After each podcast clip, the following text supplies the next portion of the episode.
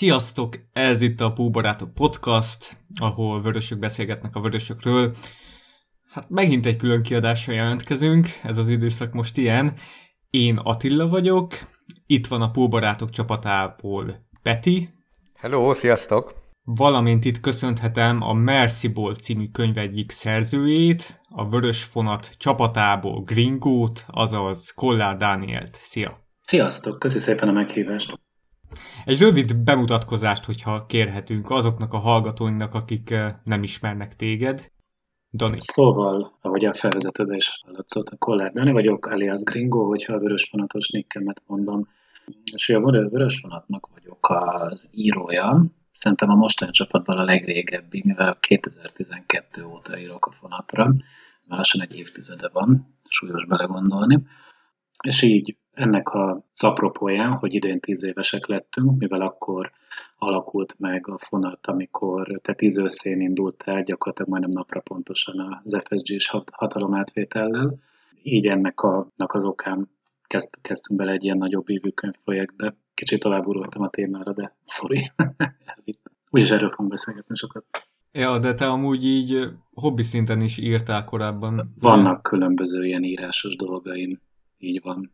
Akkor tőled nem, jött, nem volt idegen. Ja, ja, nem csak foci témában, de szerintem alapvetően a fonat az, ahova a legrégebb óta írok. Szóval nem, szerintem az az ilyen leginkább kitartó szenvedély.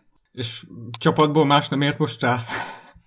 Ja, egyelőre én, de általában azt beszéltük meg, hogy ezekre a mercibulos beszélgetésekre én jövök, ami így élőben megy, vagy a hanggal megy. Uh-huh. Jaj, jaj.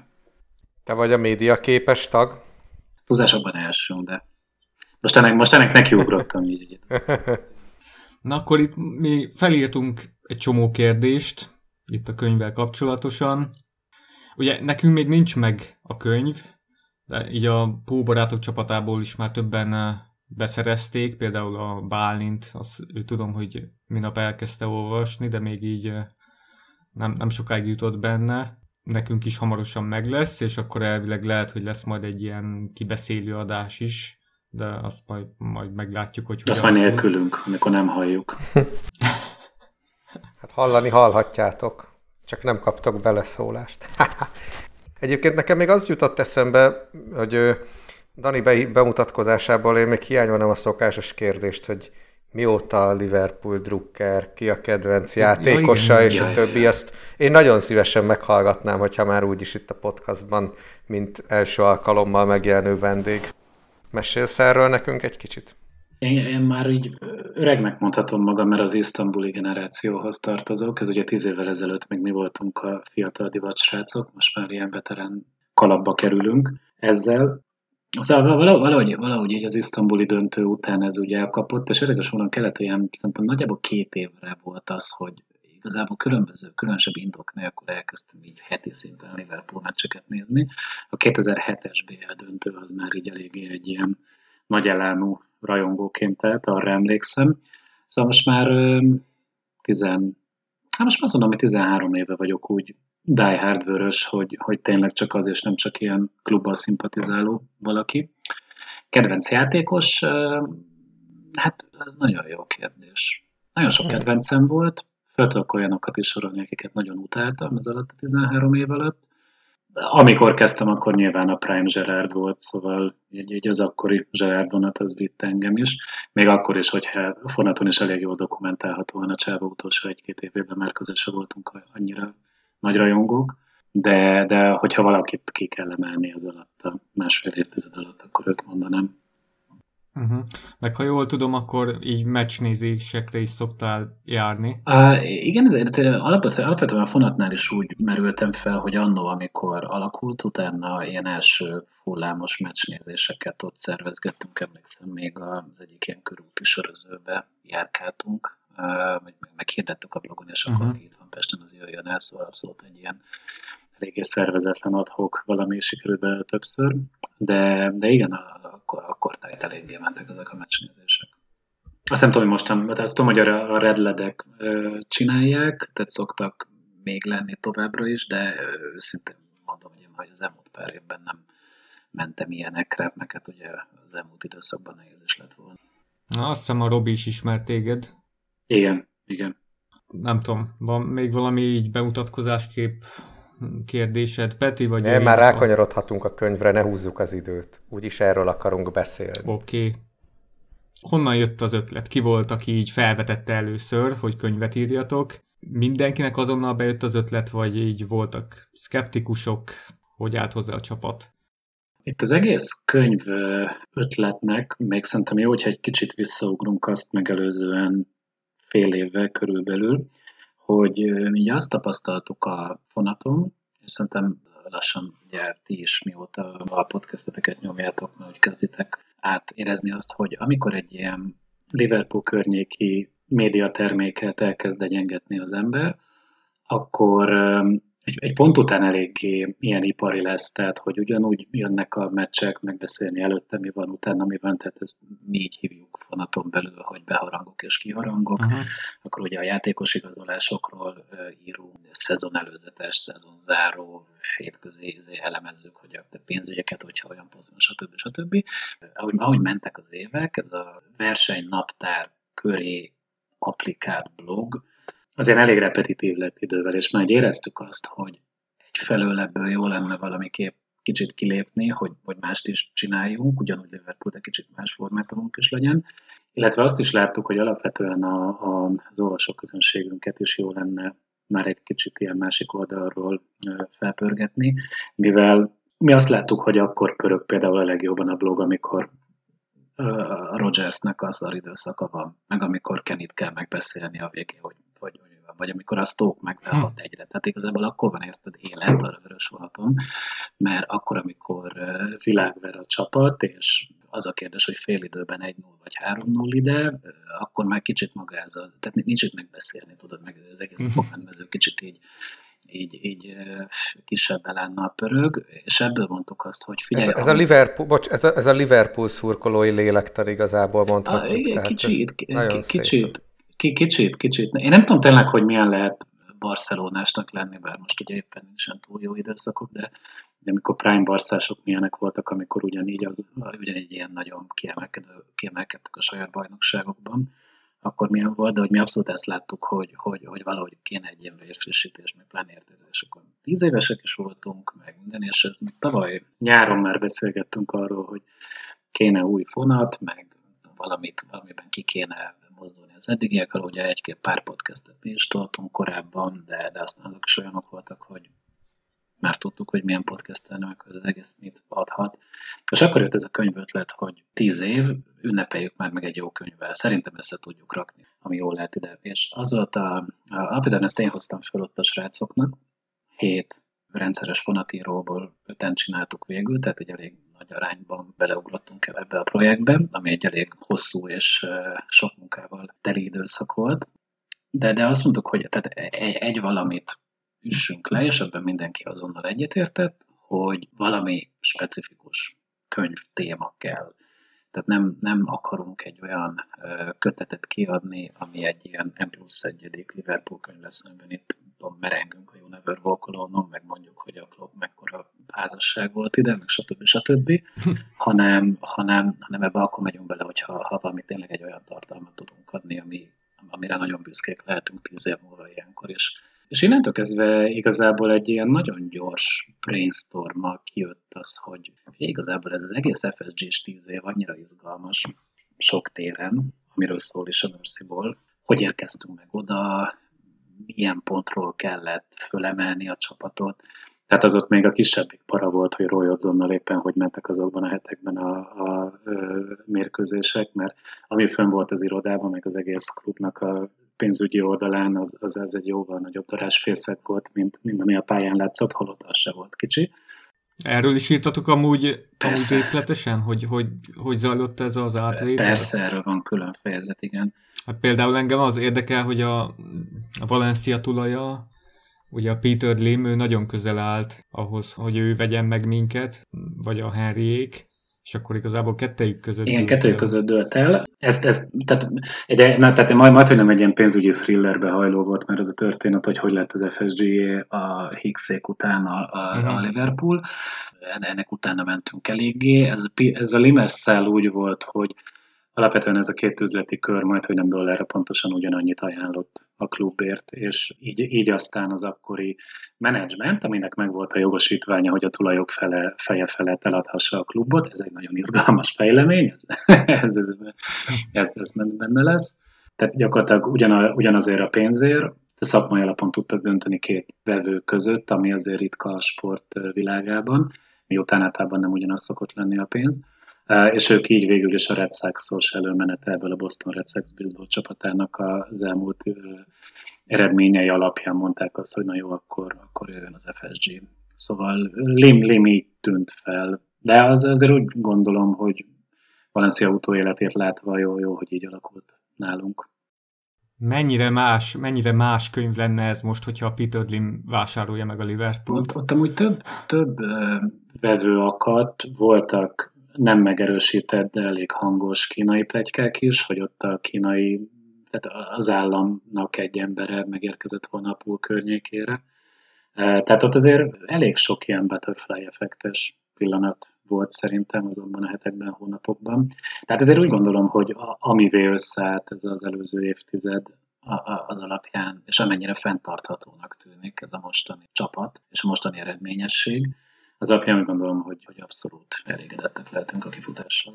És itt az előző, tulajdon, az előző tulajdonosok, hogy fejük fölött eladták a klubot, vagy ahogy mondott, hogy tulajdonképpen ők nem szóltak bele, hogy ez, hogy szakmai alapon pozitívan választották végül a, az FSG-t, ez, ez egyébként ez reális volt? Nem lehetett, nem lehetett volna pont azt mondani, hogy direkt kicsesszünk a, a klubbal, és, és adjuk, adjuk olyannak, akinek a szakmai várható szakmai teljesítmény az rosszabb lesz, tehát ilyen föl sem merült abban a ilyen zűrzavaros időszakban egyébként? Minden, ami történt 2010 környékén, tehát nagyjából 2009-ben már, már kezdett repedezni ott, nyár, ott, ott nyáron pénzügyileg a rendszer. Azért, mert az előző tulajok egy ilyen nagyon kockázatos befektetési típusokkal éltek akkor már hosszú évek óta, nem csak a poolnál, hanem, hanem egyéb területeken is és ez olyan volt, ami a Liverpool megvételét is a pénzügyi válság, ahogy ott a 2008-as pénzügyi válság, amint az begyűrőzött a nemzetközi pénzpiacokra, az már ott elkezdte, elkezdte anyagilag megroppantani a klubot. És ugye 2009-ben, hogyha már emlékezünk arra, hogy akkor már azért nagyon látványos volt az, hogy amit piaci árat kaptunk a legjobb focistáinkért, őket eladták. Csavi Alonso elment például, Maserano elment. Uh-huh és a, akik jöttek be a helyükre, ők jóval gyengébb fozisták lettek. Voltak ebből olcsóbbak, stb. És ez a helyzet annyira eszkalálódott utána 2000, 2010 derekára, hogy magának a klubnak a mindennapjait a tulajdonosi székből nézve az döntötte el, hogy ki tudnak nyögni. Vagy a klubnak pénzt, vagy a részvényesek nem kapnak semmit, vagy a részvényesek kapnak valakit, és a klub nem kap semmit, és bármi bevétel, amit a pool generált, gyakorlatilag hiteltörlesztésekre ment el uh-huh. E, és, és ebbe az űrzavarban lett kinevezve egy ügyvezető, e, akinek fölvállaltan csak annyi volt a szerepe, hogy találjon egy új vevőt, és vezényelje le ezt az akvizíciót. Christian Puzról volt a neve, és őt úgy is hozták az angol bankvilágból, hogy ilyen különböző akvizíciókért, meg szórakoztatóipari cégek mergerért felelt az ember korábban. És ő, ő próbált is egy darabig olyan megoldást keresni, ami mindenkinek jó lesz, mert X-ék, Gillették pénzüknél lesznek, Pool pedig egy nagyon jó tulajokkal megy tovább de amint ment előre az idő, ez egyre kevésbé látszott megvalósíthatónak, mert, mert Hickséknek nyilván semmi nem volt jó, meg semmi nem volt elég, mert bevételileg, tehát hogy az eladási ár nem volt oké. Okay. Másik oldalon a piacról nem kaptak olyan jelzéseket, hogy, hogy valaki tényleg így a világpénzét lerakna, jönne egy sejk és zsilliókat lerakna ezért a csapatért, és rögtön tovább vinni úgy, hogy szurkolókat is kielégít, mert azonnal bevásárolja az aktuál világsztárokat. Szóval ez egy eléggé egy ilyen pénzügyi préses helyzet volt, és igazából mindenki csak a saját lóvéját akarta innen kivenni, és igazából egy jó kérdés, hogy most lehetett volna olyan trollkodás az előző tulajoknak a részéről, vagy na, akkor csak azért is nem tudom, gusba kötjük ezt a csapatot meg a következő évekre. Szerintem el se jutottak addig. csak az, hogy a pénzt az hogy szedjék ki, vagy nem szedjék ki, és hát végül is ugye elég látványosan az ő vereségükkel zárult ez, mert gyakorlatilag az a pénz, amit végül megkapott az FSG-től az előző tulajdó, az egy az egyben ment a banknak, tehát ők egy centet nem kaptak a pool eladásából akkor. Még azt hiszem három évvel ezelőtt volt ilyen, vagyis azt hiszem három éve olvastam erről, hogy még, még a Hickséknek volt annyi hatalmuk, vagy nem is tudom, hogy ilyen bajnokok ligája meccseken a Vippáholyban bizonyos százalékot ők kaptak meg. Nem tudom, hogy ez még létezik-e, de felháborodások is voltak. Mm, erről én uh-huh. nem. Okay. Tehát annyi, annyit uh-huh. tudtunk, hogy az eladás után még körülbelül két-három évig ment a pereskedés. Uh-huh. Főleg ott az eladás napja után. Tehát amikor bejelentették az eladást, és amíg, tehát amíg nyilvános lett, hogy megvette őket az FSG, mert az ügyvezető eladta nekik, plusz még a londoni legfelsőbb bíróság jóvá hagyta ezt a, a tranzakciót. E között nagyjából egy ilyen hat nap eltelt, és ez alatt volt két per, és még utána a következő években még egy ilyen négy-öt pert kaptak, az összeset elvesztették, a csillették. Tehát nem, nekem nem tűnik valószínűnek ez, hogy ők még utána BLV pávajokat értékesítettek. Itt esetleg az, az, az tényleg közbe jöhet, hogy valami személyes trollkodás ott egy-egy székkel lement, ami egy kis, tudom, Billy vihart okozott, de hogy magára a klubra onnantól kezdve, 2010. októberétől kezdve nekik már így, mint macskát szarni, úgy kidobták őket onnan Liverpoolból. Akkor um, itt a könyv elkészülténél, nem is tudom, többieket kellett így győzködni, vagy így full maga biztosan mindenki beleállt, mindenki tudta előre, hogy így miről akar írni. Igen, hát akkor ha jól értjük, Dani, akkor te voltál tulajdonképpen az ötletgazda, ugye? Szerényen ezt állíthatjuk. I- igen, én voltam az ötletgazda. Jól esett, hogy a többiek bevásároltak az ötletembe hamar, meg, meg elég hamar elkezdtünk közösen gondolkodni a különböző részleteiről, akár a kampánynak, akár a, finanszírozás összehozásának, akár magának a, a könyvtartalomról. Mindenki, mi, mindenki tökre izgatott volt. Azért hallgattak rám, mert én már ez, ezt megelőzően több ilyen-olyan könyvprojektben benne voltam, amik nem foci témájúak voltak, de nekem volt valamennyi benyomásom arról, hogy hogy működik egy könyv elkészítése. Nagyon sokat tanultam ez alatt a Mercyball projekt alatt, mert, mert, mert ilyen szinten még én sem voltam benne, hogy akkor most átozzéig mi magunknak rakjunk össze egy könyvet. Ez fontos volt, hogy ezt mi magunknak rakjuk össze. Uh-huh. És nem, nem, nem, elven, nem elmenni vele kiadókhoz, vagy, vagy várni azt, hogy valaki most nem tudom, fölemeljen minket, hanem abban voltunk, ha nem is magabiztosak, de optimisták, hogy ezt uh, saját kontóra a vörös fonatolvasók segítségével együtt össze fogjuk tudni hozni egy bizonyos szinten, és hál' Istennek ez a szint egy elég magas szint lett, mert, mert nagyon sok támogatónk lett. Végül hányan szálltak be így a, a könyv megírása alatt összesen? Körülbelül 150-en. Az szép.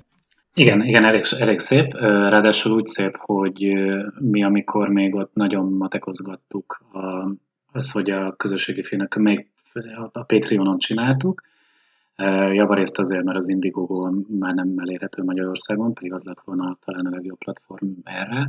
A Patreon ugye ez a havidíjas, megyünk előre, minden hónapban csárgyolott valamit a rendszer crowdfund site, és uh, ugye ilyen különböző, kicsit ilyen bonyolultabb lett innentől kezdve, hogy itt milyen, uta, milyen utakon, mennyi idő alatt mennyi pénz fog majd tudni bejönni.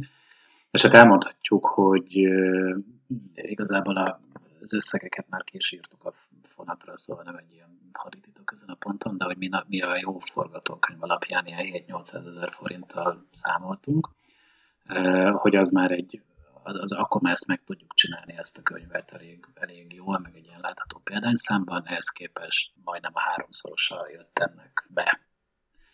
Ami alapján gyakorlatilag kompromisszumok nélkül tudtuk megírni ezt a könyvet. Most a kompromisszumot úgy értem, hogy, hogy papírminőség, színes nyomás, még a fonatot is fel tudtuk belőle újítani, kampányt tudunk csinálni, stb. stb. Egyedül, egész egyedül az ilyen élő könyvbemutatót nem tudtuk megcsinálni, amit szerettünk volna, a helyzet miatt, de jövőre elő is vissza szeretnénk majd térni. Szóval ezt már leírtuk nagyon sokszor, meg most van lehetőségem elmondani is, hogy, hogy, hogy elképesztően hálásak vagyunk az olvasótáborunknak, hogy, hogy ennyire velünk voltak ez alatt a Mercy alatt.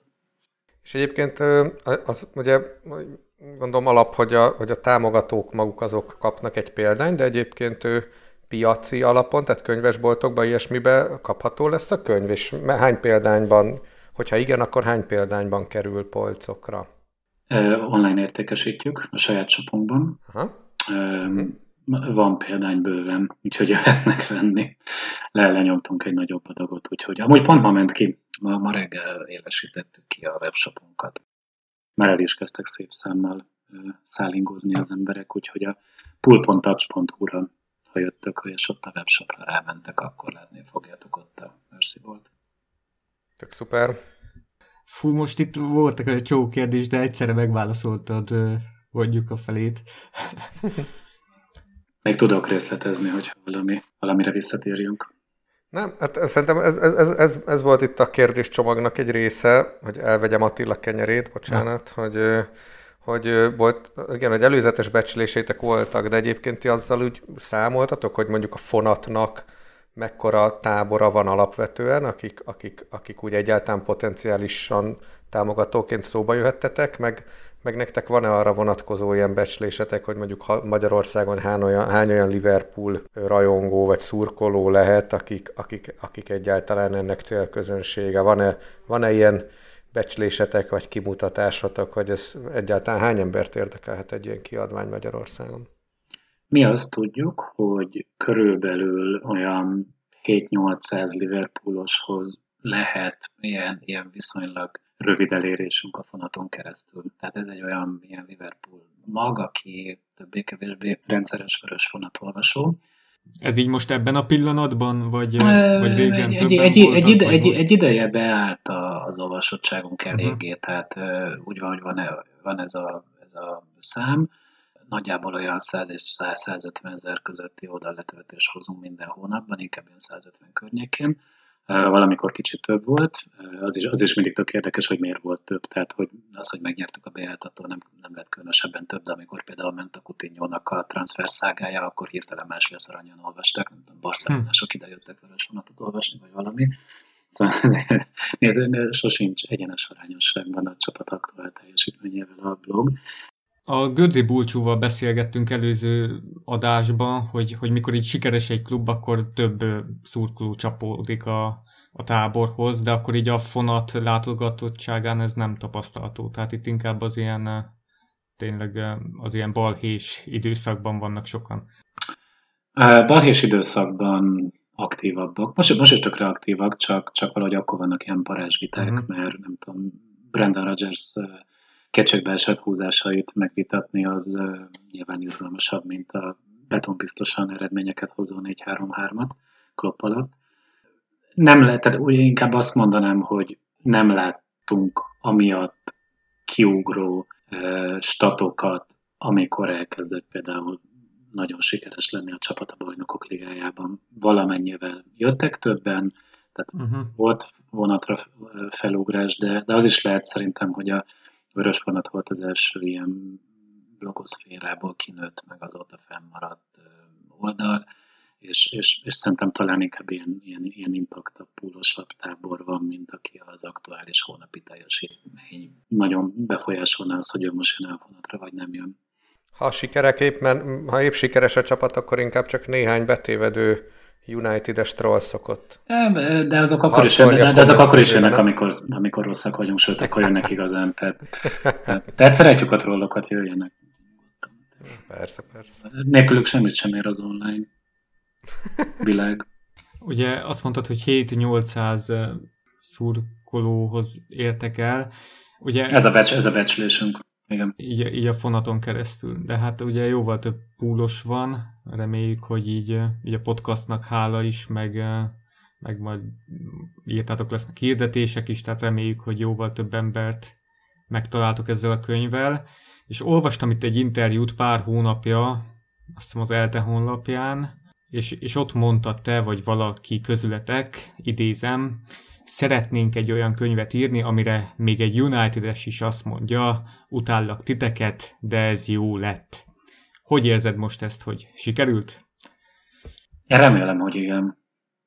Igen, igen. Tehát azért remélem, mert annyira próbáltuk több oldalról körbejárni ezt a témát, hogy, hogy FSG 2010 óta Liverpoolban, és annyi, annyi aspektust tudtunk itt mondani, akár keretfejlesztésben, akár az említett pénzügyi történetek, tehát magáról a, a futballpiacról is, amilyen részletességgel mentünk, például egy saját ilyen inflációs, díj, inflációs modellt kifejlesztettek az azokat a fejezeteket író, írótársak, miután az egyik ilyen tudom, sportsajtóban fekvő inflációs modell volt a, leg, a legjobb arra, hogy a púlos változásokat kimutassák, úgyhogy emiatt csináltok, csináltok egy saját matekot. Tehát, hogy tényleg én úgy gondolom, amikor ilyen szinten fejes ugrik egy, egy csapat egy ilyen projektbe, és mi ezt tavaly november-december környékén találtuk ki, és idén februártól már így eléggé elkezdtük írni. Tehát amennyire sok munkával és szívvel lélekkel született ez a, ez a projekt, és akár csapat, akár pénzügyek, akár marketing oldal, stb. stb. Ez berakunk. Én úgy gondolom, hogy lehetünk abban optimisták, hogy ez a könyv jót fog menni a Liverpoolon kívül is, túl is, azon túl is így a magyar futball közönségben. Emlékszem, még a Kele is írt egy olyat, hogy, hogy a támogatónk is volt, hogy hogy ilyen könyveknek kéne születnie itt tucatjával, százasával, és hogy támogatni akar minket abban, hogy egy ilyet lerakjunk, egy ilyen szakfutball szakmai könyvet lerakjunk az asztalra, támogatott is minket végig, amit azóta is köszönünk. Szóval én, én, én úgy gondolom, hogy részünkről mindent megtettünk azért, hogy ez fonaton meg, meg Liverpoolos srácok bűvkörén túl is hatni tudjon. Reméljük ez így is lesz. Mm mikor elindult a, a dolog, akkor mi is itt egy, egy ideig az egyik adásban beszéltünk a, a könyvről. Mm, megírták többen, több, több olvasónk is, hogy akkor beszáll, meg a csapatunkból is páran beszálltak.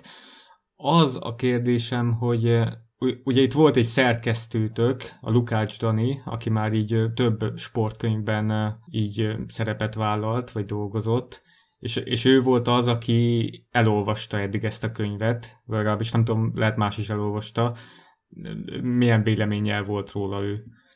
Úgy volt, hogy ő is lehet, hogy jön itt az, ebbe a beszélgetésbe részt vesz, de sajnos nem ért rá. Igen, ez az egész onnan indult a Danival, aki annó Donelli néven Ja, igen, a Donelli tényező, tényleg. Volt, volt tényező még az NST-s időkben. Ő, ugye gyakorlatilag ő alapította a vörös vonatot, tehát az ő, ő volt a legelső poszt. Nem Scouser volt? Ő volt? Nem, a legelső, tehát nem. Uh-huh. A Scouser írta a legtöbbet, de hogy érdekes módon mind a mai napig a Scouser írja a legtöbb, tehát így, nem tudom, pont a hónap után fogok majd találkozni a Balázsa, hogy adjak neki könyvet, majd megkérdezem, hogy hogy csinálta, hogy három év alatt többet, három-négy év alatt többet írt, mint a többiek hat év alatt, pedig aztán mi is elég aktívak vagyunk.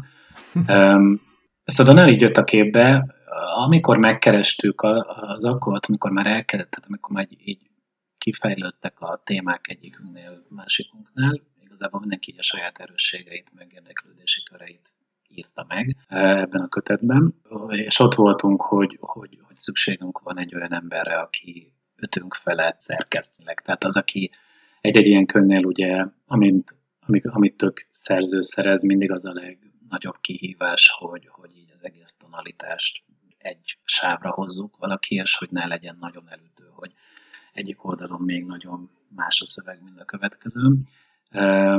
És a Dani volt erre az emberünk, aki bejött. Ugye az nem lett volna jó, hogyha az ötünk közül valaki, akár én, akár valaki más lesz ennek a kötetnek a szerkesztője, mert ha más nem a saját szövegei felé van egy ilyen erős kognitív torzítása.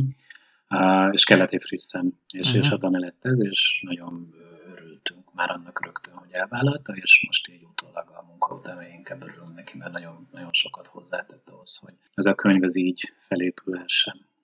Nekem egy olyan van, és most nézem itt a kérdés sort, és ez talán nincs benne, úgyhogy így még mielőtt belevágnánk, hogy konkrétan milyen témák vannak a könyvben, engem az érdekelne még, hogy, hogy, ami, hogy mielőtt így elkezditek írni konkrétan az egyes részeket, Nekem az lenne a legnagyobb ijedelmem, vagy aggodalmam egy ilyen könyvírás előtt, hogy, hogy honnan jutok forráshoz. Ugye nyilván, ahogy mondtátok ti is, angol nyelven, Klopp miatt német nyelven is egy csomó, csomó könyv születik, ezeket jellemzően, vagy sokszor újságírók írják, akik a legnagyobb nemzetközi vagy sport, vagy napilapoknál dolgoznak, és bejárásuk van, akár közvetlen kontaktjuk benfentesekhez, ami nyilván egy magyar, magyar szerzőgárdának nem áll rendelkezésére. És engem tökre érdekelne, hogy, hogy ilyenkor ezt így hogy álltok hozzá, hogy utána mentek a legutolsó újságcikknek is, és abból próbáltok infót szerezni? Tehát hon, hon, honnan, honnan van, van az, hogy ti azt gondoljátok, hogy, a, hogy, hogy, hogy alaposan úgy fel tudtok dolgozni egy témát, ami nyilván lehetséges, hogy, hogy közvetlenül nem tudtok forráshoz jutni, hanem utána kell menni, és össze, inkább összelegózni különböző információ morzsákból valami egyedit, valami újat. Nekem ez, ez, ez az, ami a misztikus ebbe az egészbe, és mhm. úgy érdekelne, hogy ti ezt hogy oldottátok meg, vagy hogy csináltátok. Világos, világos, ez egy tök jó kérdés. Ugye, amire itt első körben tudunk támaszkodni, az a fonatos múltunk. Az, hogy mindenki így az évek során elég sok olyan cikket írt, ami túlmutat egy ilyen nagyon szubjektív, nem tudom, meccsélmény beszámolón, kezdve azzal, hogy egy-egy új igazolásnak a bejelentő posztjában a, az adatokat akkor honnan szerezzük, és ilyen triviális dolgokat mondok, hogy akkor azok az optáról jöjjenek, és ne a Daily Mailről, meg ilyenek. És ez, ez szerintem elég, tehát eléggé megvannak, meg voltak már mindenkinek a forrásai amúgy is az ő témakörein belül és ez már lehetett nyúlni, és amúgy meg igazából így a, kulcs szó a bizalom, hogy mindenkiben megbíztunk az, hogy amit leír, azt megalapozottan, és utána megy, és, és, és mindenki gyűjtötte emellett a saját forrásait, ez a könyv végén benne is van, hogy mi volt itt a forráslista, ez egy ilyen szép hosszú uh-huh. oszlop is lett, több oldalon, és, és valamennyit négy szemeztünk. Tehát egy ilyen, egy ilyen minőségbiztosítást a külső forrásokon túl magunknak is beiktattunk, mi magunk között, meg a Donelli is, és szerintem alapvetően így, így össze, hogy amit te is mondasz, az egy tök jó mondás, hogy tehát ilyen puzzle darabkák különböző helyekről, amik ide bejöttek, és, és így rendszerbe lettek foglalva. Ezt nem lehetett volna megcsinálni akkor, hogyha nincs a vörös vonat szerintem. Hát az, hogy mi szeretjük a Liverpoolt, és nem tudom, szeretünk írni, és akkor egyszer csak kitaláljuk, hogy mi, mi írunk egy sportszakkönyvet, az nem ment volna. Tehát így, így a, a rutin meg az évek itt fontos pont volt. Uh-huh. Tök jó, köszi. Aha. Ugye a, a könyv címe az, hogy Mercy Ball, és ez nagyon hajaz ugye a Moneyball szószerkezetre, és az a kérdésem, hogy mennyire ástátok bele magatokat magába ebbe a, a Moneyballba. Itt a Liverpool terén mennyire működik ez, hogy Moneyball, a foci terén mennyire működik, és ez, ez, ez a kérdésem. Ugye a Moneyball az egy nagyon elinflált kifejezés lett talán a, a film óta, a Brad Pitt film uh-huh. óta, amióta ezt megcsinálták. Azóta nagyon sok ilyen párhuzamos Moneyball értelmezés kering, aminek, ami, ami egy pont után így elég félrevívő meg általánosító lesz. Írtunk a Moneyballról, nyilvánvalóan erős az áthallás a címe és a között. Ez főleg amiatt van, mert egész egyszerűen úgy apostrofáltuk, hogy ami a 2010-es években ment, az a Moneyballnak, illetve egy lépésről hátrébb nézve az amerikai sportklub, ilyen franchise kultúrának az európai fociba való átültetésének volt egy ilyen végtelen próbálkozása, nagyon sok rosszabb, meg, nagyon, meg, meg jó néhány jobb kifutással, amiből aztán egy kockára, kockára kikerekedett az a mostani sikeres klub így az évtized végére. Ugye alapvetően így, így, így állandóan vissza kell ahhoz menni, hogy ezek amerikai csávók, a major ligák rendszeréből, kultúrájából jönnek, ott lettek sikeresek, és láttunk nagyon látványos példákat arra, hogy egy özegben próbál, majd hogy nem egy özegben próbálták a, a Moneyball-t áthozni ide, de nem lehetett. Uh-huh. Más nem azért sem, mert a statisztikai fejlettség, főleg az évtized elején még jóval kevesebb volt a focin belül, mint, mint, mint most. És főleg akkor, ahogy akkor volt tartott a baseball, és mennyire stat alapú volt, meg akkor volt tartott a foci, és mennyire gyerekcipőben járt még az advanced statisztika módszertan. és akkor ebből jöttek ki ugye azok, hogy vették a Charlie Edemeket, meg a Hozi Enrikéket, hogy majd tízszeres áron eladják őket, és ez nem, mert nem lett belőle ugyanúgy jó csapat, mint ahogy a baseballban lehetett különböző elkapókat, meg ütőket piaci áruk alatt venni, és abból várni, hogy összeáll majd a, majd a massza. És emiatt gyakorlatilag egy 300 oldalon keresztül azt mondjuk, hogy a Moneyball az hogy működött, és hogy nem működött a Mercy ball És ezért lett Mercy Ball, mert, mert gyakorlatilag egy ilyen, egy, egy ilyen új, új gyermek született annak a DNS-ével. Igen, azt, azt lehet mondani szerinted, hogy hogy egy ilyen ö, amerikai Major League-ben, hogyha valaki egy ilyen új szemlélettel, de ezt kb. a Moneyball film is ezt dolgozza föl, hogy tulajdonképpen ilyen instant sikereket is lehetett elérni, az, ez azért mutatja, hogy a foci az mennyire máshogy működik, meg mennyivel másabb a tömegbázisa, meg mennyivel nagyobb, a, mennyivel több klub operál ö, nemzetközi, meg akár csak ö, az angol bajnokság szinten is, hogy, hogy itt ez egy, mm, hát nem tíz, mert ugye most már bajnokok ligáját mondjuk két éve nyertünk, de ez egy ilyen 7-8 tíz éves projekt kell, hogy, hogy ez a rendszer a foci szinten úgy tűnik, hogy, hogy eredményt érjen el mondjuk más ilyen amerikai major league sportokkal szemben. Tehát, hogy itt azért ez sokkal keményebb dió, ez így, ezt így gondoljátok a könyv alapján, vagy jól, jól, jól gondolom én ezt jól sejtem? Alapvetően a major sportoknak, tehát nem csak a baseball, hanem a négy major sportot bevesszük, plusz, hogyha az európai focit mellé rakjuk. Van egy ilyen nagyon vicces irónia, hogy így a kapitalizmus őshazájában egy ilyen masszívan szocialista sportfinanszírozási környezetet kitaláltak, tehát a, ahogy például az MLB-ben, vagy az NBA-ben, vagy az NFL-ben mennek a franchise-ok, még az ebből az egész ligának a különböző fizetési sapkákkal, eh, bevételek, az játékosra elkölthető eh, arányokat. Nagyon ilyen tulajdonos baráton van kitalálva az egész. Ehhez igen, képest, egy ilyen esélykiegyenlítő. Igen, igen, tehát eh, ehhez képest Európa, ami valamennyire történelmileg így a szociáldemokráciának a bástyájaként próbálta apostrofálni magát többé-kevésbé évszázadok óta. Itt meg egy ilyen fullon kapitalista az egész foci azóta is. Tehát ennek valahogy pont fordítva kéne papíron elvileg működnie, de mégis így alakult ki.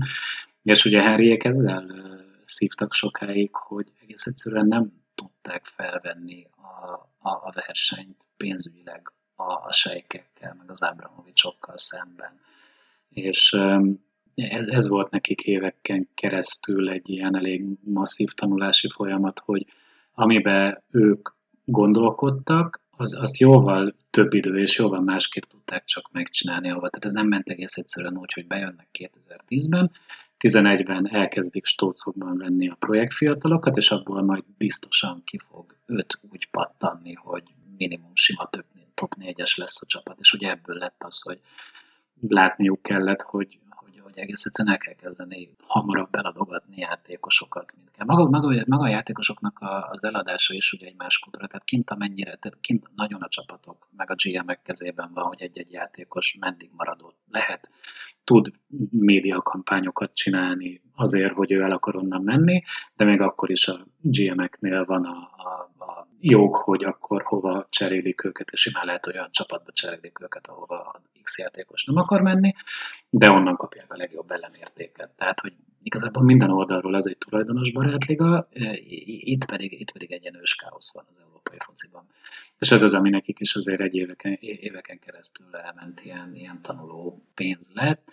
És ami nagyon, amit, és érdekes volt nézni, és abban sokat írunk a könyvből, hogy mi volt, mik azok a pontok, amiket az eredeti elképzeléseik közül megtartottak tűzön vizen át, bármekkora a szurkolói harag, meg aktuális rosszabb hullám legyen, és mik azok, amikben meg adaptáló, adaptálni tudtak, és hogy, és hogy van bennük egy ilyen írtózatosan profi kettősség, hogy, hogy valahogy így, így, így megérzik, vagy lemérik azt, hogy, hogy mik azok a témák, amikben nagyon gyorsan engedni kell a, nyomásnak, és mik azok, amiket meg vagy így, vagy úgy, de csak azért is áttolunk. És, és például a, az, hogy ők a klubigazgatókat egy, egy, egy megerősített klubigazgató dolgozik egy edző mellett, ez ugye a, ez a general manager meg, meg, meg head coach páros Amerikából. És az az, ami ellen például uh, Douglas is, de főleg Brandon Rogers nagyon ágált, hogy mellette meg fölötte nem igazol senki semmit, mert hogy ugye Angliában főleg eléggé az van benne a, a, a kultúrában, hogy az edzők vesznek játékost, és, és pont. És hogy a szurkolók is olyan, hogy, hogy egy, egy ilyen klubigazgatót, aki ugye a Komolli lett volna annó, ők nem tudtak egész egyszerűen úgy befogadni, hogy, hogy, hogy elfogadják, hogy ő a, a, az edzőknél egy jóval magasabb polcon lévő valaki, és alatta fognak rotálni az ilyen-olyan menedzserek a következő években, és be is dőlt az a, az a próbálkozás. De, de tudták, de, és akkor így, így lett kicsit átcsavarva a stratégia, hogy akkor próbáljunk behozni egy edzőt, egy, egy nagyon nívós edzőt, aki mögé beáll a tábor, meg, meg a játékosok, meg mindenki. Elég jól sikerült, ugyebár de mellette, amint az így megszilárdult, rögtön fölemelték Michael Edwardsot, és elkezdték a médiában is építeni erősen, hogy, hogy, hogy akkor ez, ez a mi kétfejű sárkányunk, és, és a Liverpool az úgy tényező, hogy a Klopp plusz az Edwards, és az Edwards még akkor is tényező lehet, akkor, amikor már Klopp elmegy majd a csapattól. És hogy, és hogy gyakorlatilag ez valami olyasmi volt, amit gyakorlatilag 7 év volt, amíg odaérhetek egyáltalán a starthoz, hogy ezt a kettős rendszert, ezt a kétfejű sárkányt, így hívjuk a könyvben, ezért kiereszthessék a piacra, addig a hét éven keresztül különböző próbák, megesések és kelések voltak. Tehát abszolút benne voltak ezek a dolgok, és szerintem ezért is izgalmas a Mercy-ból, már csak a nem feltétlenül nagyon púlosoknak is, mert, mert nagyon sok ilyen, ilyen üzleti intelligencia, meg üzleti hitvallással kapcsolatos ilyen, ilyen esettanulmány lehet benne, ami, ami aztán inspirálhat az élet egy csomó területén. Tehát akkor azt így mondhatjuk, hogy, hogy, hogy, hogy a Liverpool-lal ilyen Moneyball vagy Mercyball alapon sikert elérni, vagy a csúcsra jutni, az menedzsmentileg, meg gazdaságilag is még egy nagyobb bravúr, mint mondjuk amit egy Red sox vagy, vagy egy Major League csapattal megcsinálhatnak, vagy megcsináltak.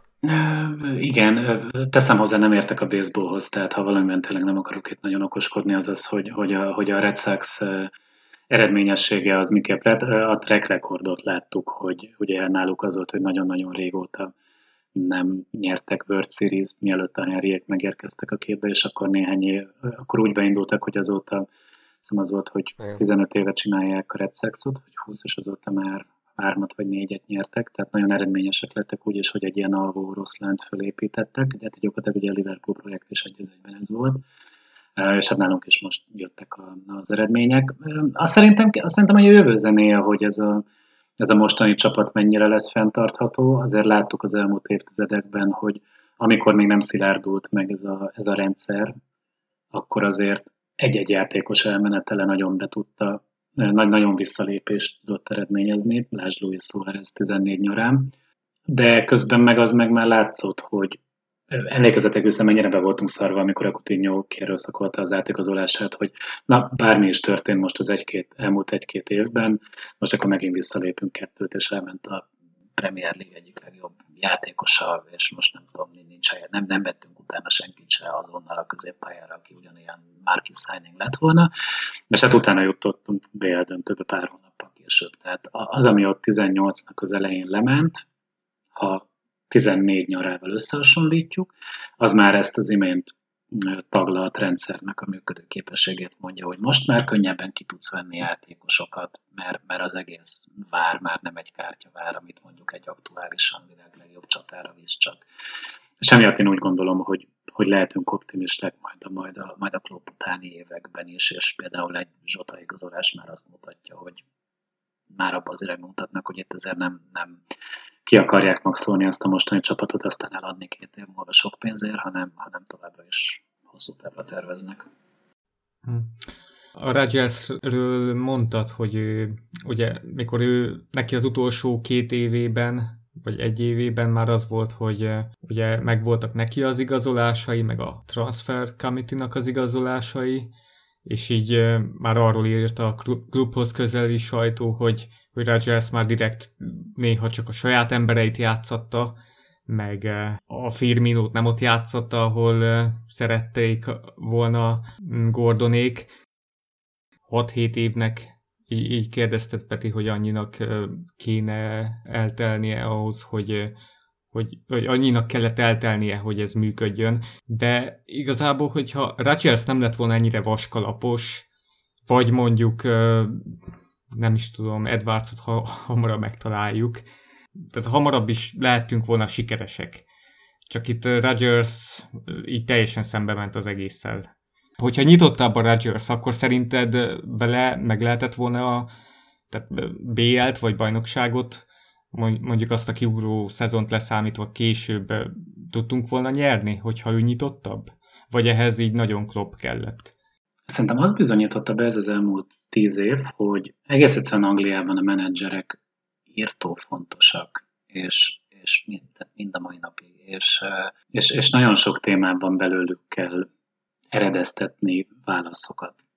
Ezt most úgy, érzem főle, úgy értem főleg, hogy van egy párhuzamos dimenzió, ahol Klopp nem jön a Liverpoolba, mert happen to be nem egy Liverpool rajongó maga az ember, és úgy alakulnak a dolgok, hogy elköteleződik az akárhova, és akkor tovább vittük volna ugyanazt az évet, mint addig, hogy, hogy az ilyen upcoming brit menedzserekkel próbálkozgatunk.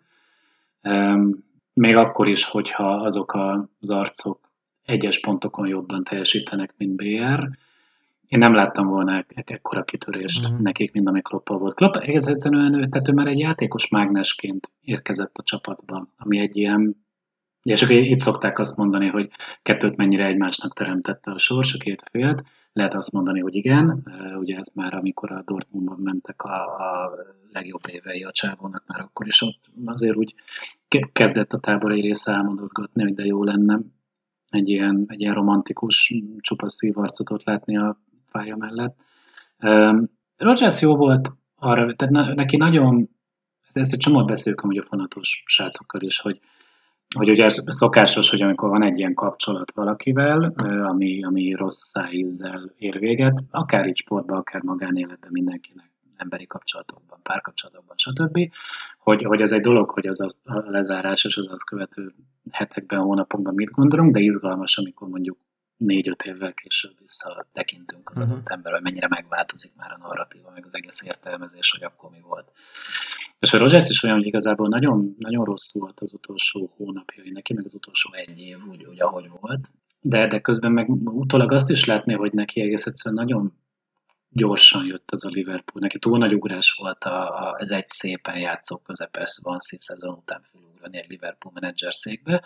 Az ő hübriszének nem volt, tehát ő ezt úgy nagyon bírta is rögtön, de, de, de nagyon sok olyan hibát vétett, és nagyon sok olyan téren volt csökönyös, amit szerintem most már ő se tenne, és az az év, amin azóta rajta van, hogy Celtickel volt, Leicesterrel nagyon szépen építkezés, ahogy, ahogy ő így lépésenként így koordinátorrendszerben kúszik visszafele, azt, azt jó látni.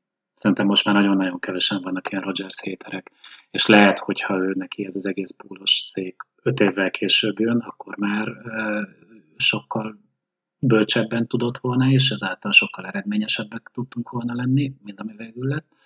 Viszont, viszont akkor az volt, ami volt, és ahogy te is mondtad, erről, erről is részletesen írunk, hogy uh-huh. két olyan nyár is lement, amiben ez a, ez a transfer commit is egyet te veszel, egyet én veszünk dolog, egy ilyen működésképtelen valami volt, mert ott volt egy csökönyös edző, ott voltak a másik oldalon a tulajdonosok, akik nek még mindig az volt a fejében, hogy de itt nem fogunk azt csinálni, hogy egy edző vehet itt játékosokat, és akkor egy ilyen, egy ilyen rossz kompromisszum ment ott nagyon sokáig, végtelen beleégetett millió fonttal, um, és végül is egy, egy ilyen nagyon szépen felívett szezonunk volt csak, csak BR-rel, ami lett. Szóval... És Dani, én már nem emlékszem erre, de nektek még friss az élmény, mert hogy mint mondod a könyvben ezt feldolgozatok, hogy én egyébként jól emlékszem arra, hogy, hogy, hogy amikor ez a transfer committee is kínlódás ment tényleg több nyáron keresztül, akkor azért a közönség alapvetően Rogers pártján volt, nem? Tehát a szurkolóknak ez az egész transfer committee, meg hogy így felülről valami matematikai alapokon, vagy nem is tudom, hogy akkor ez így egyértelmű volt-e mindenkinek, hogy mi történik, szerintem nyilván nem, mert akkor ez egy, nem írta róla korábban senki, meg egy tök ismeretet, ismeretlen működési modell volt, de hogy, de hogy, de hogy inkább Rogers-t sajnálták a szurkolók, meg úgy az emberek általában, hogy, hogy valahogy így fölülről próbálják rákényszeríteni ezeket a akkor még hülyeségnek tűnő dolgokat? Igen. Jól emlékszem én erre? Szerintem, szerintem Bentekéig volt ez, amit mondasz, Peti, a Benteke igazolásig. Igen.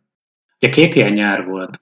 Az egyik 14, tehát ez ugye 14-ről meg 15-ről beszélünk, amiket nagyon különböző nyár volt, mert 14-ben még az ezüst szezon első hullámában nagyon optimista volt mindenki.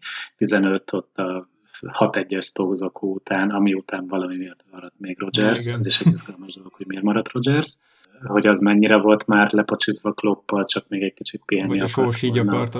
Nem tudni, ugye csak sejtéseink lehetnek erről.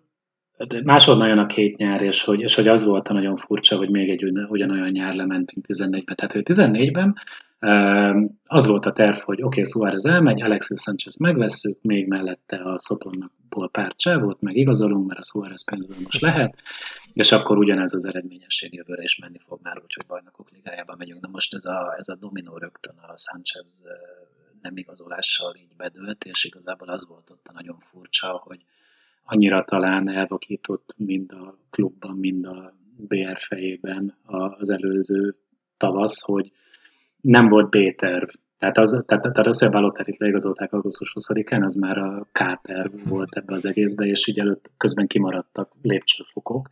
Akkor voltak már olyan pontok, amikor a Transfer Committee közbeszólt, mert például a Bonit le akarta Rogers igazolni, de nem engedték neki. Visszatolok oda, amit már is megmondtam, hogy igazából egy, tehát az FSG egy olyan rendszert, organigramot akart áttolni a médián keresztül a szurkolóknak is, aminek kevés kultúrája van, Angliában főleg. Egyes más európai országokban ez a klubvezető, klubmenedzser kicsit jobban bent van, Angliában abszolút vezetőedző fókusz. És, és emiatt volt az, hogy gyakorlatilag, hogy ti is mondjátok, hogy szerintem Rogers már voltak elégedetlenségek 14 nyarán is egyes pontokon, még ha addig halkak is voltak, 15-ben már elég sok volt, de a másik oldalon meg nem tudtak belemarni a szurkolók egy, egy, egy vonzóbb alternatívába. Pontosabban, amiben tudtak, az megint egy edző volt, jöjjön a Klopp. Én azt tudom, hogy a Benteke igazolás előtt már a Tony Barrett meg a Pierce már, már így elkezdték szivárogtatni, hogy kik is a Rodgers igazolások, meg kik is a Committee igazolások, és ott még az elején kitűnt, hogy Markovics meg fú, Ilóri, tehát ők, ők nagyon besültek ott a Kamitinál, de mikor már Bentekét is elhozta a Rodgers, akkor, akkor így mindenki elkezdett vele szembe menni ott azon a nyáron. Igen, az az, izga, az, az izgalmas, hogy a Benteket miért hozhatta be egyáltalán. Ez, ez arra utal, amiatt... hogy, hogy nem volt lezsírozva semmi a kloppal igen, nyáron. Igen, igen. Um, igen, de akkor erre ezt meg challenge lehet azzal, hogy akkor Firmino miért jött. Tehát, hogy akkor, ha valaki nem volt Rogers játékrendszer ember, az Bobby Firmino volt, ellenben, hogyha valaki alfa Klopp, Klopp csávó, az a Bobby Firmino hát ez volt. egy ilyen kompromisszum. Tehát, erre, már van, erre, erre, vannak, igen, erre, erre vannak kontauk, hogy azt már a Kloppnak vették, hm. Bobit. Igen, hogy igen, tehát, hogy egy, egyetnek lehetnek. Bente két azért engedték át Rogersnek végül, Bonival ellentétben, mert az Edwardzék Gordonéknak az algoritmusában az volt, hogy a Bentekét egy ilyen horihorog, brit klasszik csatárként, ha egy rossz Liverpooli szezon után, és majd, hogy nem ugyanazért az árért tovább lehet adni, egy kiesés szélén küzdő kis csapat mindig is tud vele mit kezdeni, és az új tévédíles pénzekkel ki is fogják csengetni, és végül is ez vált be. Bentekének volt egy rossz Liverpooli szezonja, nyilván már Klopp volt az edzője, Valészt, és már ilyen sokszor ilyen időhúzó csere volt csak, de el tudták adni uh-huh. majdnem 28 millió fontért, úgyhogy 32 ér vették.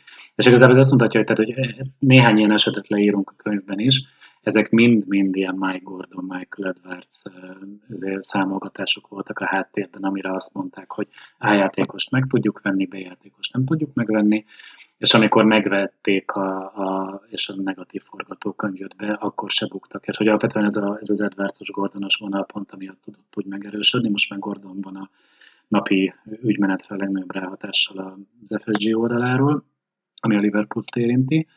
Ők azért is tudtak ennyire megerősödni, meg egész egyszerűen működtek a statisztikai modelljeik mindig, és, és hát ugye azt csomószor megéneklitek ti is, meg mi is a fonaton, meg igazából mindenki, hogy egészen elképesztő, hogy mióta Klopp van, milyen százalékkal várnak be az igazolások. Tehát egy Káriuszon kívül nem tudsz olyat mondani, aki egyértelmű bust lett. Kejta kezd inogni, Igen. hogy azt majd meglátjuk, mi lesz, de gyakorlatilag rajtuk kettőn kívül mindenki levált, és az, hogy egy, ez egy olyan track record, hogy tényleg valamit nagyon-nagyon tudnak ezek a csávok. Igen. Én azt kérdezném még, hogy most itt játékos igazolásokról beszélünk, én Pár éve jött ki, itten két éve a Kloppról a Rafael Hönigsteinnek ez a Bring the Noise című könyve, ami talán a egyik legjobban dolgozza fel Klopp karrierjét, és már belefért a, az is, ahogy hogy került a Liverpoolhoz, és nem emlékszem, hogy ott lett volna benne erről szó, és hát ha ti, ti feldolgoztátok a könyvben, ugye most sötétbe tapogatózunk, mert még nem olvastuk, de hogy Kloppot egyébként scoutolta az FSG, tehát ott is voltak modellek, hogy mérő, vagy ott tisztán ilyen emberi, meg játékrendszeri, meg, meg játékstílusi szempontok döntöttek. Nem tudom, hogy ez, ez, ez szerepele, vagy utána mentetek ennek a, ennek a edzői átigazolási sztorinak. Ami biztos, hogy Klopp mellett egy nagyon fontos pont volt, hogy ő ebben a... Tehát Németországban ez az ilyen Director of Football rendszer, az ugye bevett, tehát ott, ott, ott német, német, Bundesliga-ban erős kezű valakik a klubigazgatók, nem csak ilyen reprezentatív, reprezentációs feladatuk van sokszor. Tehát, hogy, hogy, és ez rögtön ugye a klub bemutató sajtájon is, nem tudom, a harmadik kérdés volt, hogy akkor most hogy lesz a transferkomitével, mert előtte ugye éveken keresztül az egész média csak annyit látott ott helyben, hogy az edző meg a TC bukszol egymással, és ő rögtön mondta a Klopp, hogy igazából 5 percet beszélgettek az egészről, és minden oké okay volt neki. Tehát a Klopp annyi, annyit kért, hogy az első meg az utolsó szó hogy legyen az övé, azon kívül az információk meg a tárgyalások azokat házon belül együtt lenyomjuk. Tehát az biztos, hogy, hogy Klopp kinevezésében a, a média érték mellett, amit elég jól mérhetnek Amerikában mindig, de van egy ilyen Q rating, csak egy ilyen kis intermezzo, ami a különböző hírességeknek, meg a márkáknak az aktuális márka percepcióját méri. Ez nem igazán jött át Európába, de miután ugye amerikai tulajokról beszélünk, ezek bostoni irodákban ott lehetnek ezek a ratingek, ez biztos, hogy a klubnak a számai kicsapják a plafont. Tehát én úgy gondolom, hogy ez a, ez a, ez a transfer, az, hogy ő abban az organigramban már dolgozott korábban, amit ők valami olyasmit ki szeretnének itt alakítani. És nem véletlen volt az, hogy az volt az esemény sorozat a Klopp kinevezés után, hogy akkor utána tavasszal volt a nagy Európa Liga menetelés, ami a lehető legjobb dolog, ami történt Jürgen Klopp Liverpooli pályájával, mert annyi látványos eredménypont jött, hogy elhiggye mindenki, hogy ez jó lesz, ez a házasság. Ellenben nem jöttek túl hamar eredmények, hogy már rögtön eredménykényszer legyen. Akkor meghosszabbították tavasszal a klub első három éves szerződését plusz négy évre, ez 16 tavaszanyara volt, és utána össze kinevezték az Edwardsot. Uh-huh, uh-huh. Tehát ott, ott látszott, hogy jött a klub, és egy éven belül tudták létrehozni azt a felállást, amit 2010 óta akartak mindig is. És a mai napig tulajdonképpen ez is működik. Mondjuk pont a GM az most volt egy csere, de ez a, valószínűleg a működést nem befolyásolja jelentősen. Az ügyvezetővel volt, igen, tehát az ilyen managing, de, de hogy a, a maga, tehát a keret alakító ember plusz az edző, azok, azok, azok ugyanaz. Itt, itt beszéltél arról, Peti, hogy, hogy hogy kötött ki, hogy kötötte ki Henry Kloppnál. Arról írtatok, hogy ki voltak még az alternatívák? Mert ugye még két, két név volt a Klopp mellett. Ancelotti, meg az Eddie, ha- Eddie Howe.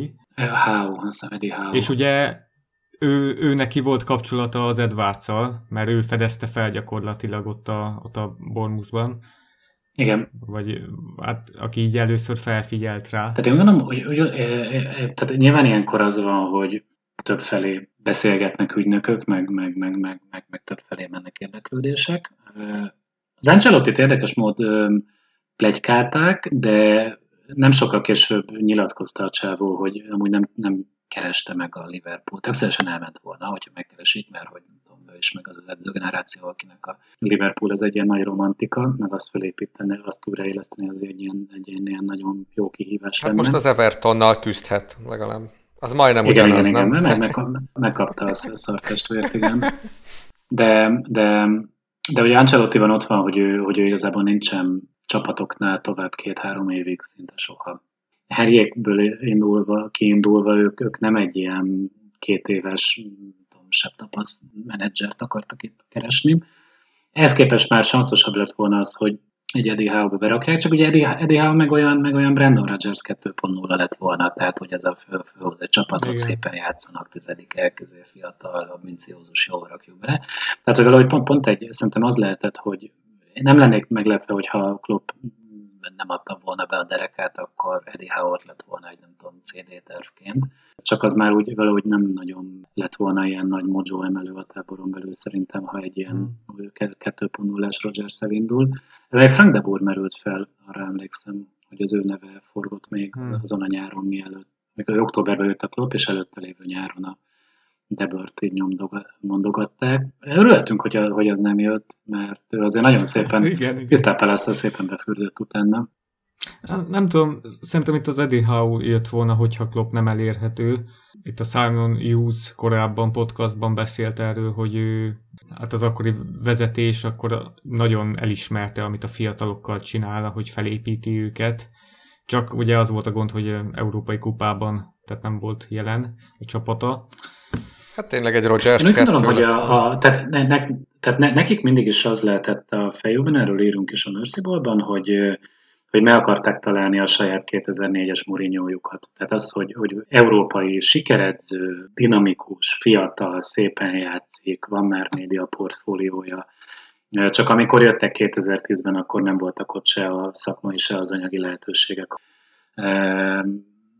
Ez ott 15 nyarán őszén volt, mert el, és akkor azért már ott Klopp is szerette magát kicsit kéretni a médiában. Úgyhogy szerintem ott akkora érett be egész egyszerűen ez a történet. Azt simán el tudom képzelni, meg igazából a többiek nevében is mondhatom, hogy el tudjuk, hogy az, hogy ott BR maradhatott a Stoke után még októberig, annak egy jó része amiatt volt, mert hogy minimum nem akartak addig más kinevezni, amíg nem, nem tudták meg, hogy a Klopp forgatókönyv az működni fog-e vagy sem. Hála működött. Hm.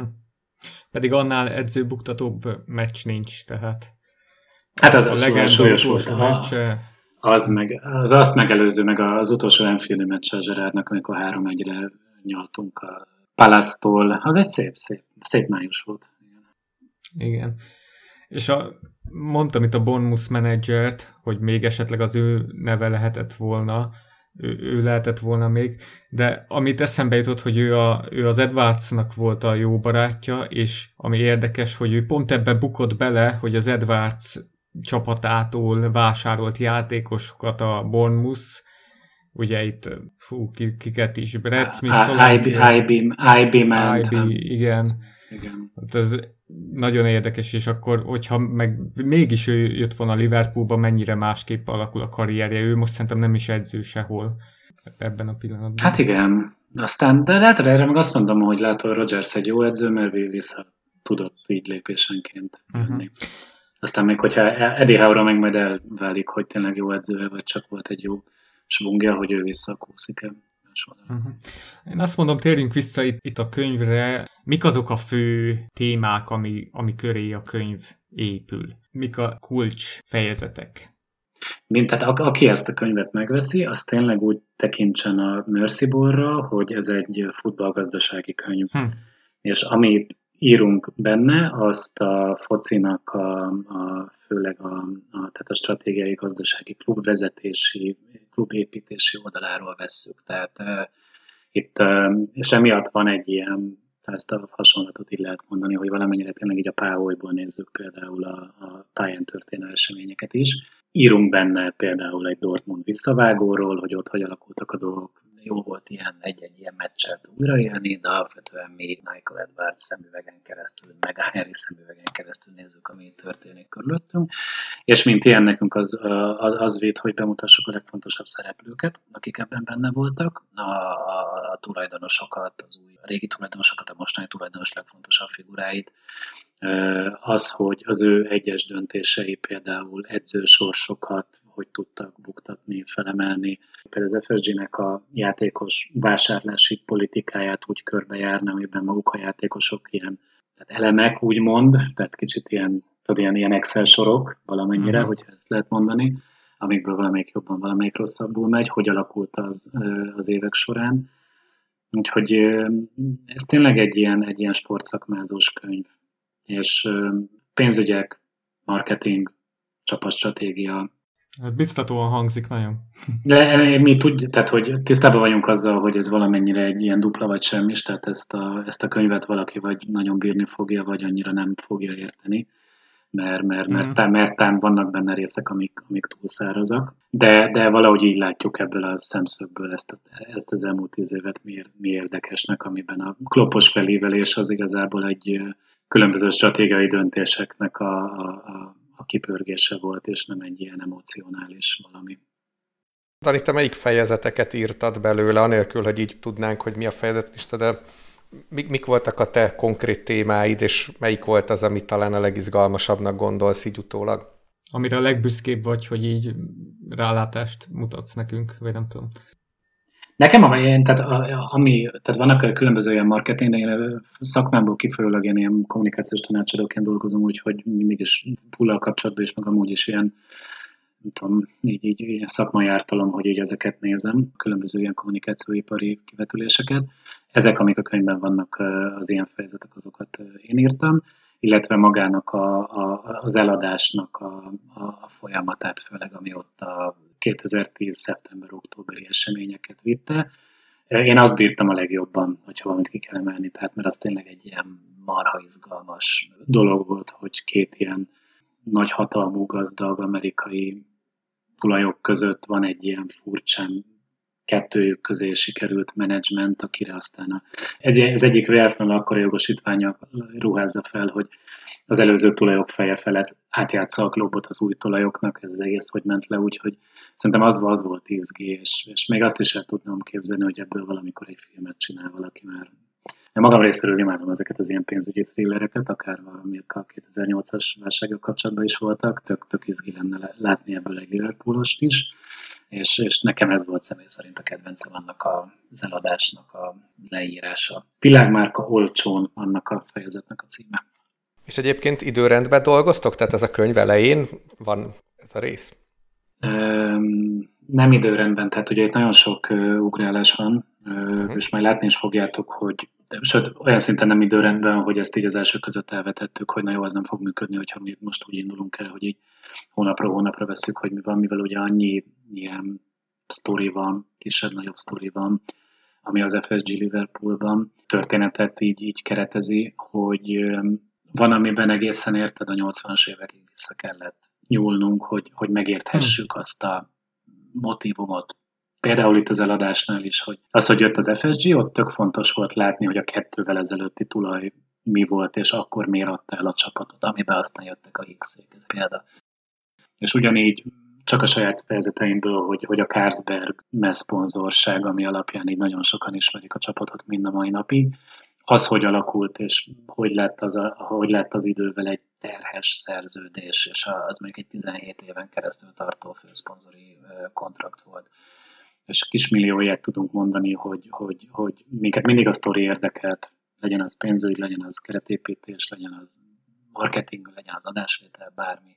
És ebbe a sztoriban, amihez kellett, vissza kellett nyúlnunk, akár egy oldalon belül is többször, hogy megértsük az ottani kontextust. Úgyhogy amúgy valami, tehát egy, egy ilyen laza logikai kapcsolat van a, a fejezetek között ennyit tudok mondani. Meg, meg igyekeztünk nem a, tehát igyekeztünk a színesebb dolgokkal kezdeni, és nem az inflációs vételi díj eh, algoritmizével, modellekkel rögtön.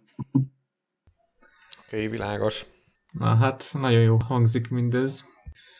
Még itt lehetne kérdezni mindenről, hogy például a vezetőséggel mennyire vannak kritikus hangok a, a könyvben, vagy minden teljesen pozitív, úgy, úgy, úgy pozitív, tehát mi ezzel leírjuk azt, hogy teljesen egyértelmű, hogy milyen rossz pontról, milyen magaslatokra eljutott a, a csapat, tehát ezt, ezt nem lehet elég sok jelzővel illetni. Mi, mi, mi próbáltunk ebben is dokumentaristák, meg, meg hidegek uh-huh, lenni, uh-huh. csak úgy, mint ahogy a pályán mutatott eredmények felé. Tehát olyanokat leírunk, hogy mibe fürödtek bele a Henryék, akár csapatépítésben, akár szurkolókkal való viszonyjal, tehát ami, ami balhék voltak. Az már csak azért is izgalmas volt látni, mert, mert uh, mi volt az a szurkolói balhé, amit áttoltak, meg mi volt az, aminél így a másodperc tölt része alatt uh, irányt váltottak, és bocsánatot kértek, és semmisítették, így elvették a konfliktus élét. Úgyhogy persze vannak benne nem, nem, nem csak napos az egész mhm. történet, pláne nem egy tíz éves periódus, nem is lehet semmiben sem csak naposként értékelni, de igyekeztünk tehát dokumentaristák maradni a pluszoknál, meg a negatívoknál is. És egyébként neked, mint hogyha egy pillanatra eltávolodunk a könyvtől, hogy neked, mint Liverpool szurkolóként, ez a alapvetően sikertörténetről mi a véleményed? Tehát, hogy ez mondjuk ez az amerikai gazdaság és adatalapú szemlélet, ami most már tényleg uralja a klubot, az, ezeknek az utóbbi években is volt egy-két árnyoldala itt ilyen jegyáremelésekről, Liverpool névlevédetésről, a részt vettünk ebben az állami támoga, bértámogatásos rendszerben, ez mind-mind negatív dolgok, visszhangokat váltott ki a szurkolók részéről. Neked erről így priváti, mi egyébként a véleményed, vagy szur, Liverpool szurkolóként mit gondolsz ezekről? Van-e, van-e akár így, a, a, így, hogy a könyvben keresztül neked nyilván most egy tök jó rálátásod, meg háttértudásod van az FS, FSG-vel szemben, hogy mik a, hogy értékeled ezeket a dolgokat, mondom, akár emberileg, akár, akár, akár így a könyvben feldolgozandó témák szempontjából? Onnan indítanám, hogy szerintem tulajdonosoknál legkisebb rosszat keresünk mindig is. Foci, foci rajongóként. Úgy értem a legkisebb rosszat, hogy mi lenne a, a, a teljesen valótlan rózsaszín világ. Az, hogyha Trentek, Kereherek, Zserárdok által alkotott helyi srácok hülyére vernék egész Európát, nem? Tehát így az ezt bírnánk a legjobban valahol. Igen. Tehát ez lenne így a, ez lenne az igazán, az, az igazán romantikus, ami, ami ott nem tudom, a 20. század egy több pontján is volt. Most innentől kezdve, tehát, tehát mivel ez nincsen, innentől kezdve minden már rosszabb, mint ez. E, vagy esetleg még az bejöhet, hogy legyenek a helyi srácok, meg még akkor nem tudom, amilyen országban te laksz, happen to be Magyarországon, akkor még legyen benne három magyar, és akkor a Gulácsi legyen a kapuban, meg a német Krisztián meg erről, ami ugye egy darabig úgy is ment a tartsiban. Um, Na most miután ez nem, nem lehet, innentől kezdve ugye mik az opciók ebben a vadkapitalizmusban, ahol amit ugye az adás elején is beszéltünk.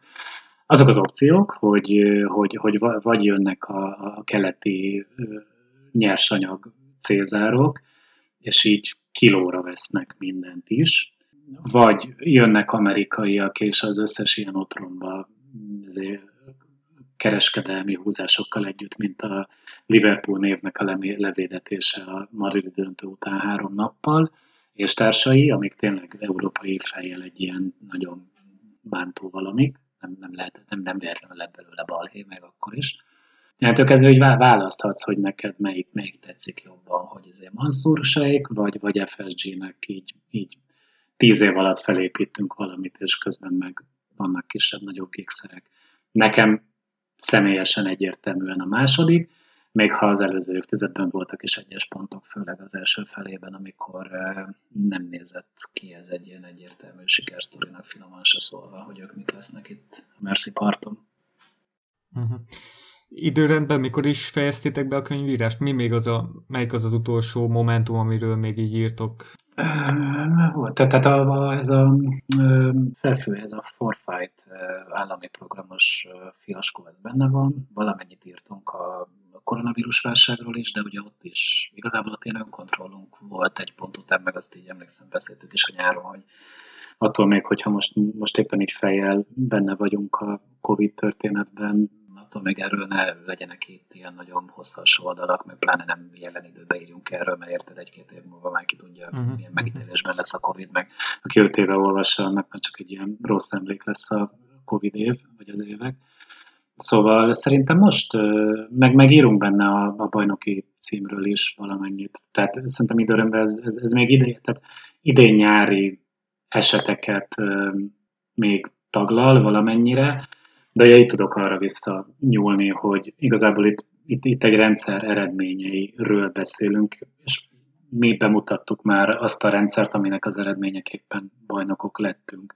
De nem az a lényeg, hogy bajnokok lettünk, hanem hogy ez a rendszer micsoda a Versible-ben. De hát így is bravúrosan napra kész akkor a dolog, úgyhogy szép munka.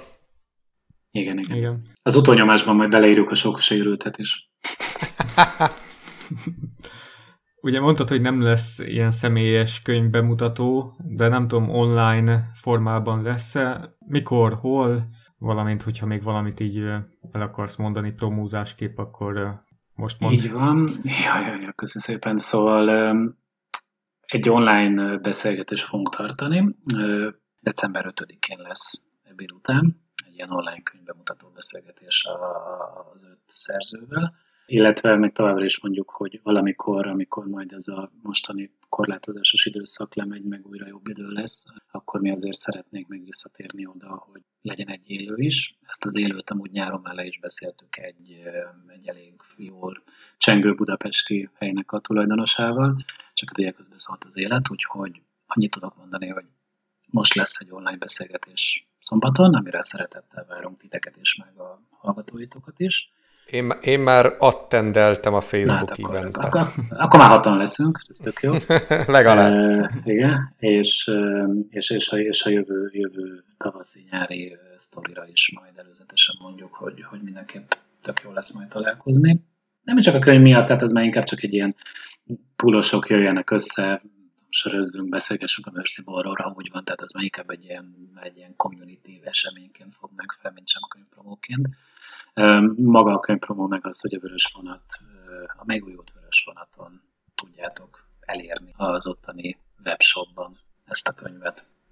Nagyszerű. Akkor remélem, hogy kedvet hoztunk hallgatóinknak, és akkor szerintem köszönjünk is el, hogyha más nincs. Én nekem még, bizt, még rengeteg egyéb kérdésem lenne, de ezeket már így másfél órás adás idő után nem fogom föltenni. De a könyvet azt hiszem, hogy kiveséztük egyébként. Tök jó volt ez a beszélgetés. Én köszönöm szépen a beszélgetést, szerintem is jól sikerült. Hajrá, pulbarátok! Köszi, hogy jöttél. Köszönjük, hogy meghallgattatok minket. Adásainkról a facebook.com per Púbaratok oldalon értesülhettek, és megtalálhattok minket minden népszerű podcast applikáció kínálatában és mindenhol a Púbarátok csatornát keressétek, iratkozzatok fel, kommenteljetek, értékeljetek minket, és akkor karácsonyra szerintem nagyon jó ajándék, hogyha magatokat is meglepitek ezzel a könyvvel, hogyha még éppen nincs meg, vagy Liverpool szurkoló ismerőseiteket. Köszi, hogy jöttél, Dani. Szerintem máskor is jöhetnél, amúgy. Ha meghívtok. van kedved. Oké. okay. Köszi szépen. Köszi a beszélgetést. Köszi, sziasztok. Sziasztok.